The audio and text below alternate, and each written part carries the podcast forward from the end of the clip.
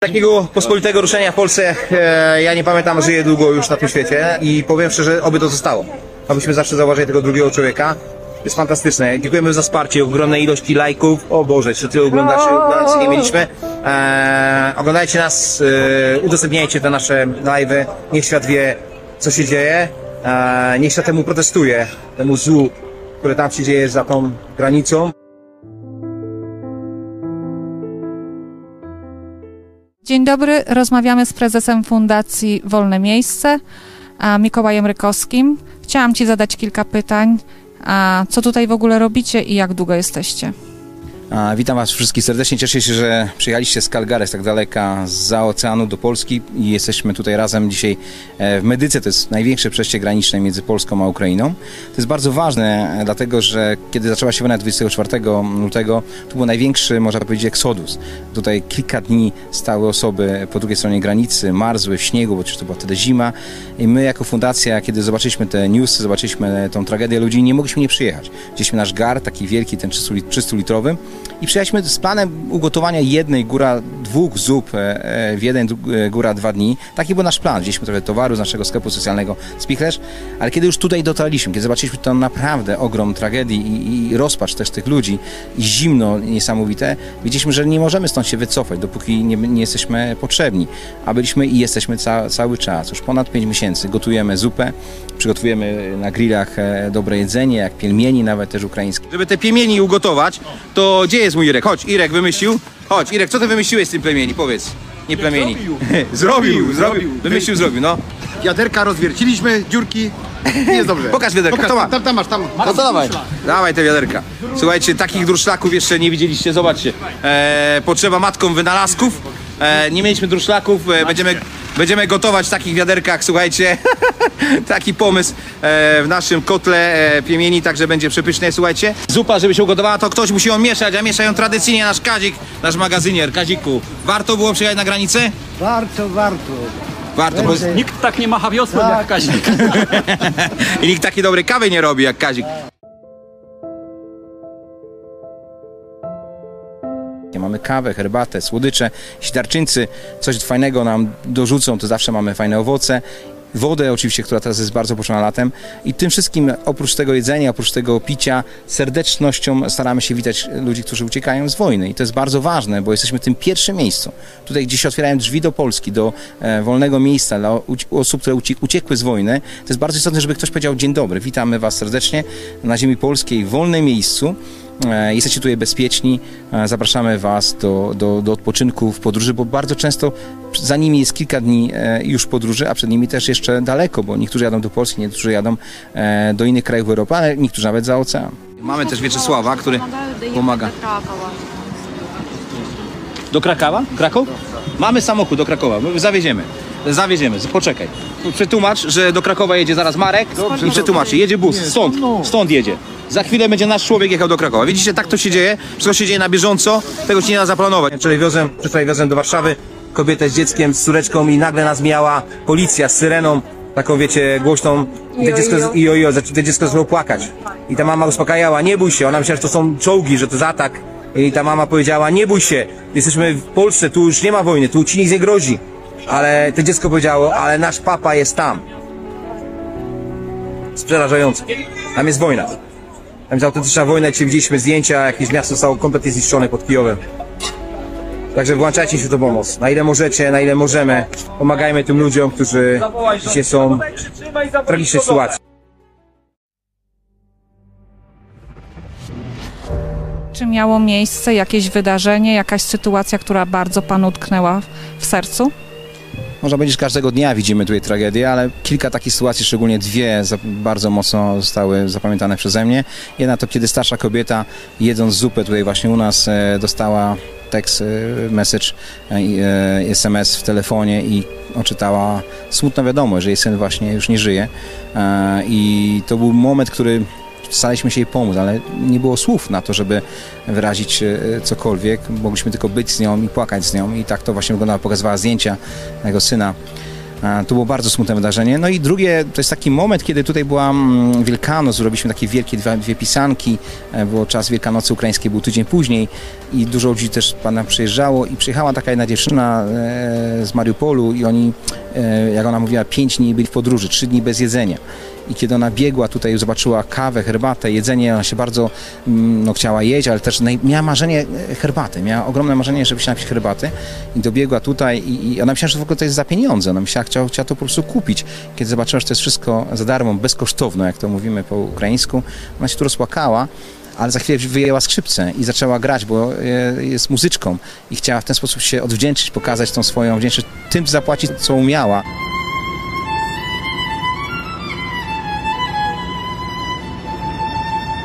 Myślę, że to są takie momenty, kiedy widzimy ogromną potrzebę bycia z drugim człowiekiem. Czasami niektóre osoby pytają mnie, dlaczego my tu jeszcze, jeszcze jesteśmy. No bo już tego dużego ksedusu nie ma. Ale sami widzicie, cały czas kolejne osoby napływają. Tu dziennie jest około setki, e, około 100 autobusów przejeżdża i to jest ogrom ludzi. My jeśli pomożemy jednej osobie, to to już jest ważne w naszym życiu, bo nie możemy przechodzić koło osoby potrzebującej, jeśli możemy pomóc, a tutaj codziennie są tysiące. Jest napisane przecież w Ewangelii e, taka przypowieść, kiedy Pan Jezus mówi e, o tym, że daliście jeść, daliście pić, e, a przychodzicie do mnie, pomagaliście mi. I ktoś pytał, ale my nie, my nie wiemy, nie, tobie nie dawaliśmy. A Jezus mówi, choćbyście najmniejszemu z tych potrzebujących zrobili, to mnie to uczyniliście. I wydaje mi się, że to jest taka nasza maksyma, która powinna nam przyświecać, że te osoby tutaj naprawdę potrzebują pomocy i w moim przekonaniu Pan Bóg nas tutaj posłał a, i zostawił w tym miejscu takim strategicznym. To jest miejsce przejście między Ukrainą, między krajem wojny a, a Europą, Polską, gdzie jest pokój, abyśmy właśnie przytulali te osoby, abyśmy e, przygarniali je do siebie, dlatego że to jest bardzo istotne, bo te osoby potrzebują po, po, pokrzepienia potrzebują pożywienia, co jest bezdyskusyjnie w podróży każdemu jest potrzebne, ale tak naprawdę tego drugiego człowieka. Po to, żeby ktoś powiedział choćby jedno dobre słowo. Bardzo często z tamtej strony są złe słowa. Jest strach. Krzysiu, cię pod, przyjechałeś, opowiadaj, co tutaj przeżywasz. Przybywajcie, pomagajcie. Historia chwyta za serce, naprawdę. To jest ludzki dramat, trzeba pomagać. Tak, słuchajcie, to jest ten moment e, właściwy. Marek też przyjechał, tak? Z ekipą. Marek, powiedz, jak tam? No, tragedia, powiem wam, ale dzięki Mikołajowi i Fundacji Wolne Miejsce działamy, żyjemy i pomagamy. Kamil, powiedz, czemu ty z koło brzegu dojechałeś? Tak przy kawał świata, tysiąc kilometrów. Tysiąc kilometrów, no ale sytuacja jest tutaj naprawdę trudna. Ciężko uwierzyć, że człowiek może coś takiego zrobić drugiemu człowiekowi. To nie człowiek, to nie człowiek. Tysiące kobiet, dzieci, seniorzy uciekają. e, Mówią, że zostawili domy, e, nie wiadomo czy kiedykolwiek będą mieli jeszcze do czego wrócić, więc e, naszym obowiązkiem jest e, pomóc i budujące w tym wszystkim jest to, że Polacy potrafili się zjednoczyć, są z nami Amerykanie, Tak. przedstawiciele Bundestagu, Ukrainy też przyjechali tu z e, nami. Ukrainy, Niemcy przed chwilą, tak, tak. Więc, więc to jest fantastyczne, że ludzie się jednoczą i chcą pomagać, bo nie wiadomo w jakiej sytuacji my będziemy w niedługim czasie, więc po prostu naszym obowiązkiem jest tutaj być i pomagać. Super, Kamil, dzięki, że przyjechałeś. A to ty mówisz. pomagamy No. z potrzeby serca i ludzie potrzebują tego, potrzebują nas, potrzebują, e, aby poświęcić im chwilę, pomóc, nakarmić. Jest taka sytuacja nie czasem przytulić, czasem, Czasem porozmawiać, przytulić, wysłuchać tak. historię, tak jak dzisiaj Tak, z dokładnie. słyszeliśmy historię o zburzonych domach, także to są rzeczy naprawdę e, prawdziwe i niestety tragiczne. To odjeżdża w tej chwili, kończy Tak, swoją właśnie służbę. Już, już odjeżdżam, teraz e, na moje miejsce przychodzą następni. Nie ukrywam, bardzo ciężkie dni, ale fajnie, że pomogliśmy i nawet przez to zmęczenie to wiadomo, że dobrze spędziliśmy ten czas. Przyjaciół poznaje się w takich trudnych sytuacjach, także dzięki przyjacielu.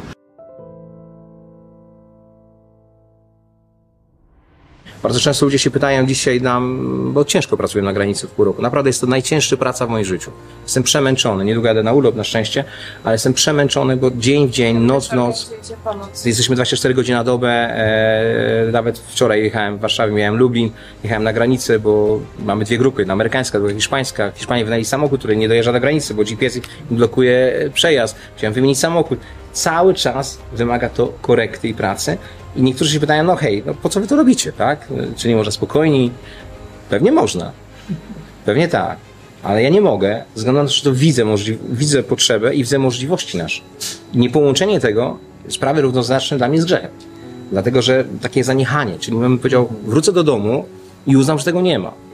Nie mogę tego uznać. Nie jestem w stanie e, funkcjonować. Byłem to w Stanach Zjednoczonych, w ukraińskich kościołach, rozmawialiśmy z wieloma ludźmi i mój przyjaciel, taki Ukrainiec, który mieszka w Stanach i żona powiedziała, mieli tam w czasy w marcu wykupione na Dominikanie, powiedział, nie jadę, nie pojechali.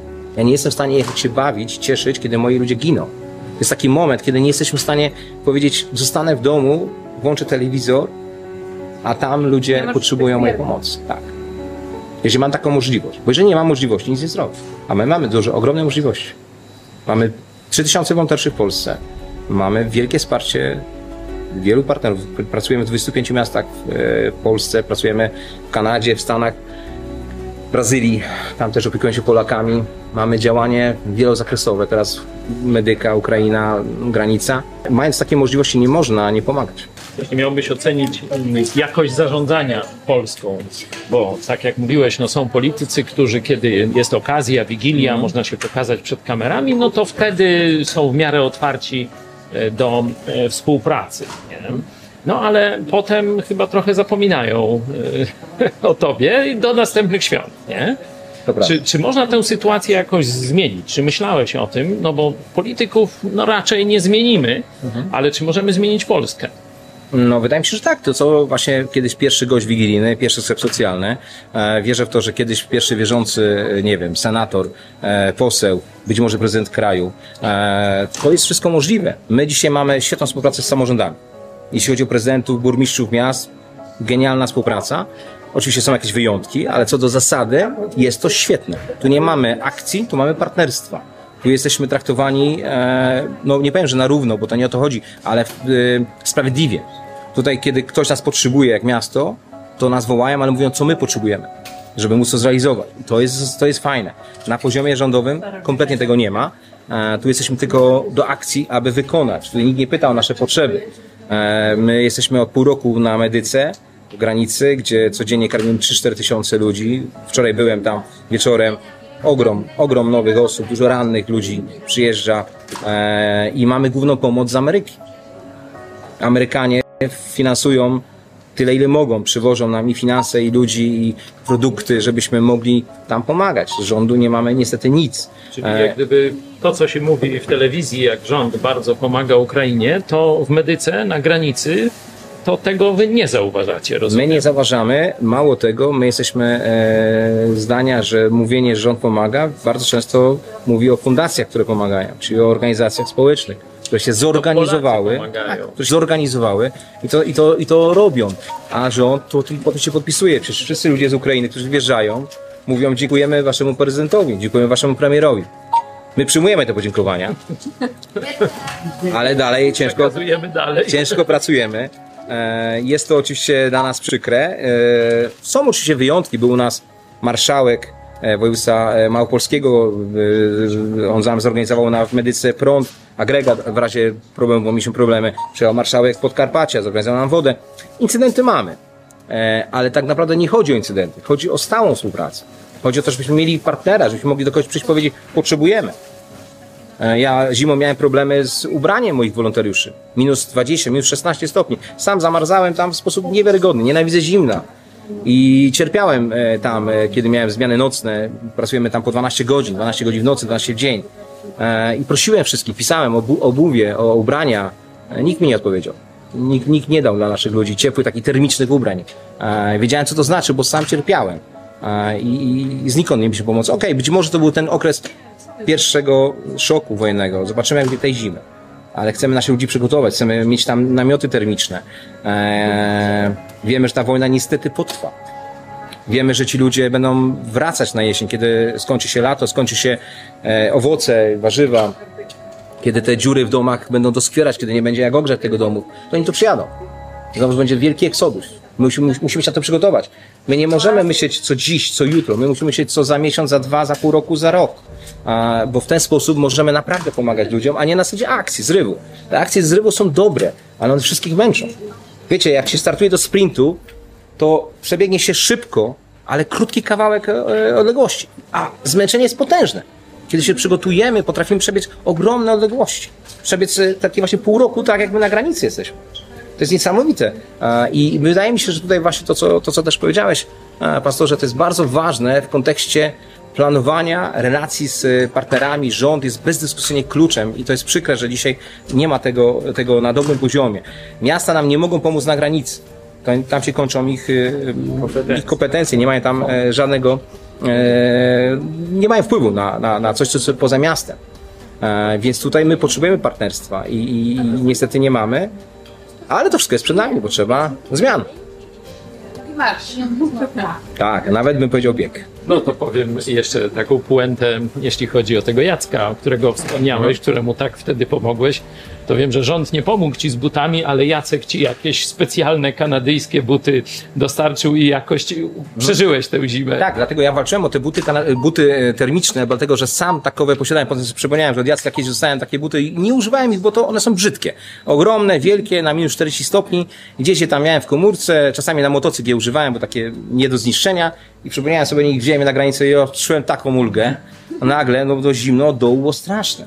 Jak się jest 12 godzin, słuchajcie, przy minus 16, minus 20, jak to w nocy było, śniegu, zawierusze, no okropne uczucie, naprawdę. Bo jak wyjdzie na mróz na, nie wiem, pół godziny, godzinę i ma gdzieś się schronić, ma wrócić do domu, to wytrzyma wszystko. Ale jak masz 12 godzin być na mrozie, perspektywa po jednej godzinie, że jeszcze jest 11, jest niewiarygodna. Bo ja uczciwie wam powiem szczerze, że to, że moi ludzie przetrwali, nikt nie wymiękł, e, nikt nie zachorował, Nikt nawet nie był przeziębiony. To było jakieś niesamowite, że ja nie czu... żaden człowiek nie powiedział, szefie, ja już nie jadę, bo kaszlę. Albo coś. Po prostu wszyscy się ubierali cieplej i, i działali. Oczywiście mieliśmy fajnie, bo mieliśmy ognisko zawsze pod garem, gotowaliśmy zupę.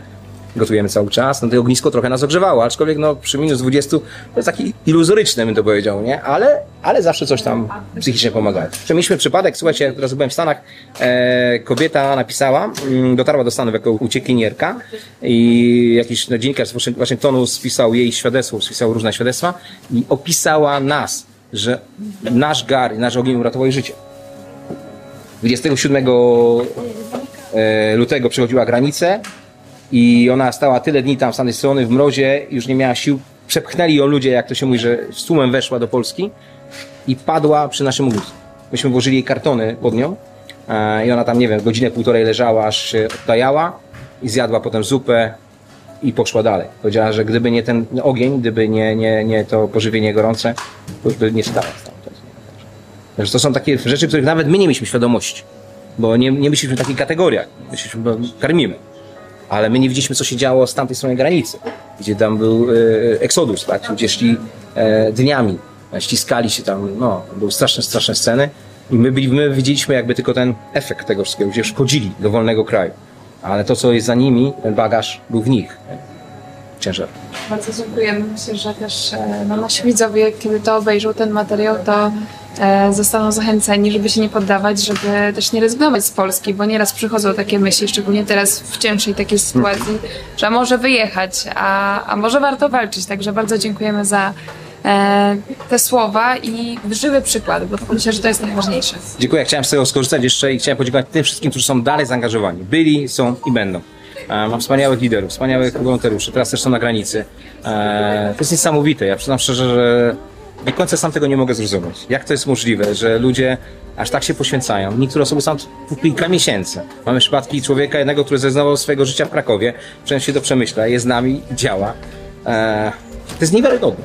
Ale ja chylę czoła przed Wami, bo oczywiście my to koordynujemy jako fundacja, ale bez Was, bez wolontariuszy byłoby to niemożliwe. Dzięki. Pozdrawiamy z Katowic, był z nami Mikołaj Rykowski, e, prezes Fundacji Wolne Miejsce. Dziękuję. Dzięki. Mamy przyjaciela z Ukrainy, z Kijowa. No, rodzina została po drugiej stronie, on był na podróży służbowej. Aleksji, powiedz. Sława Jezusu Chrystusowi. No i to jest najważniejsze, słuchajcie, naprawdę. To jest podstawa, więc e, ja wierzę, że z Bożym błogosławieństwem ta wojna e, zostanie zakończona jak najszybciej, a ludzie będą mogli wrócić do swoich domów.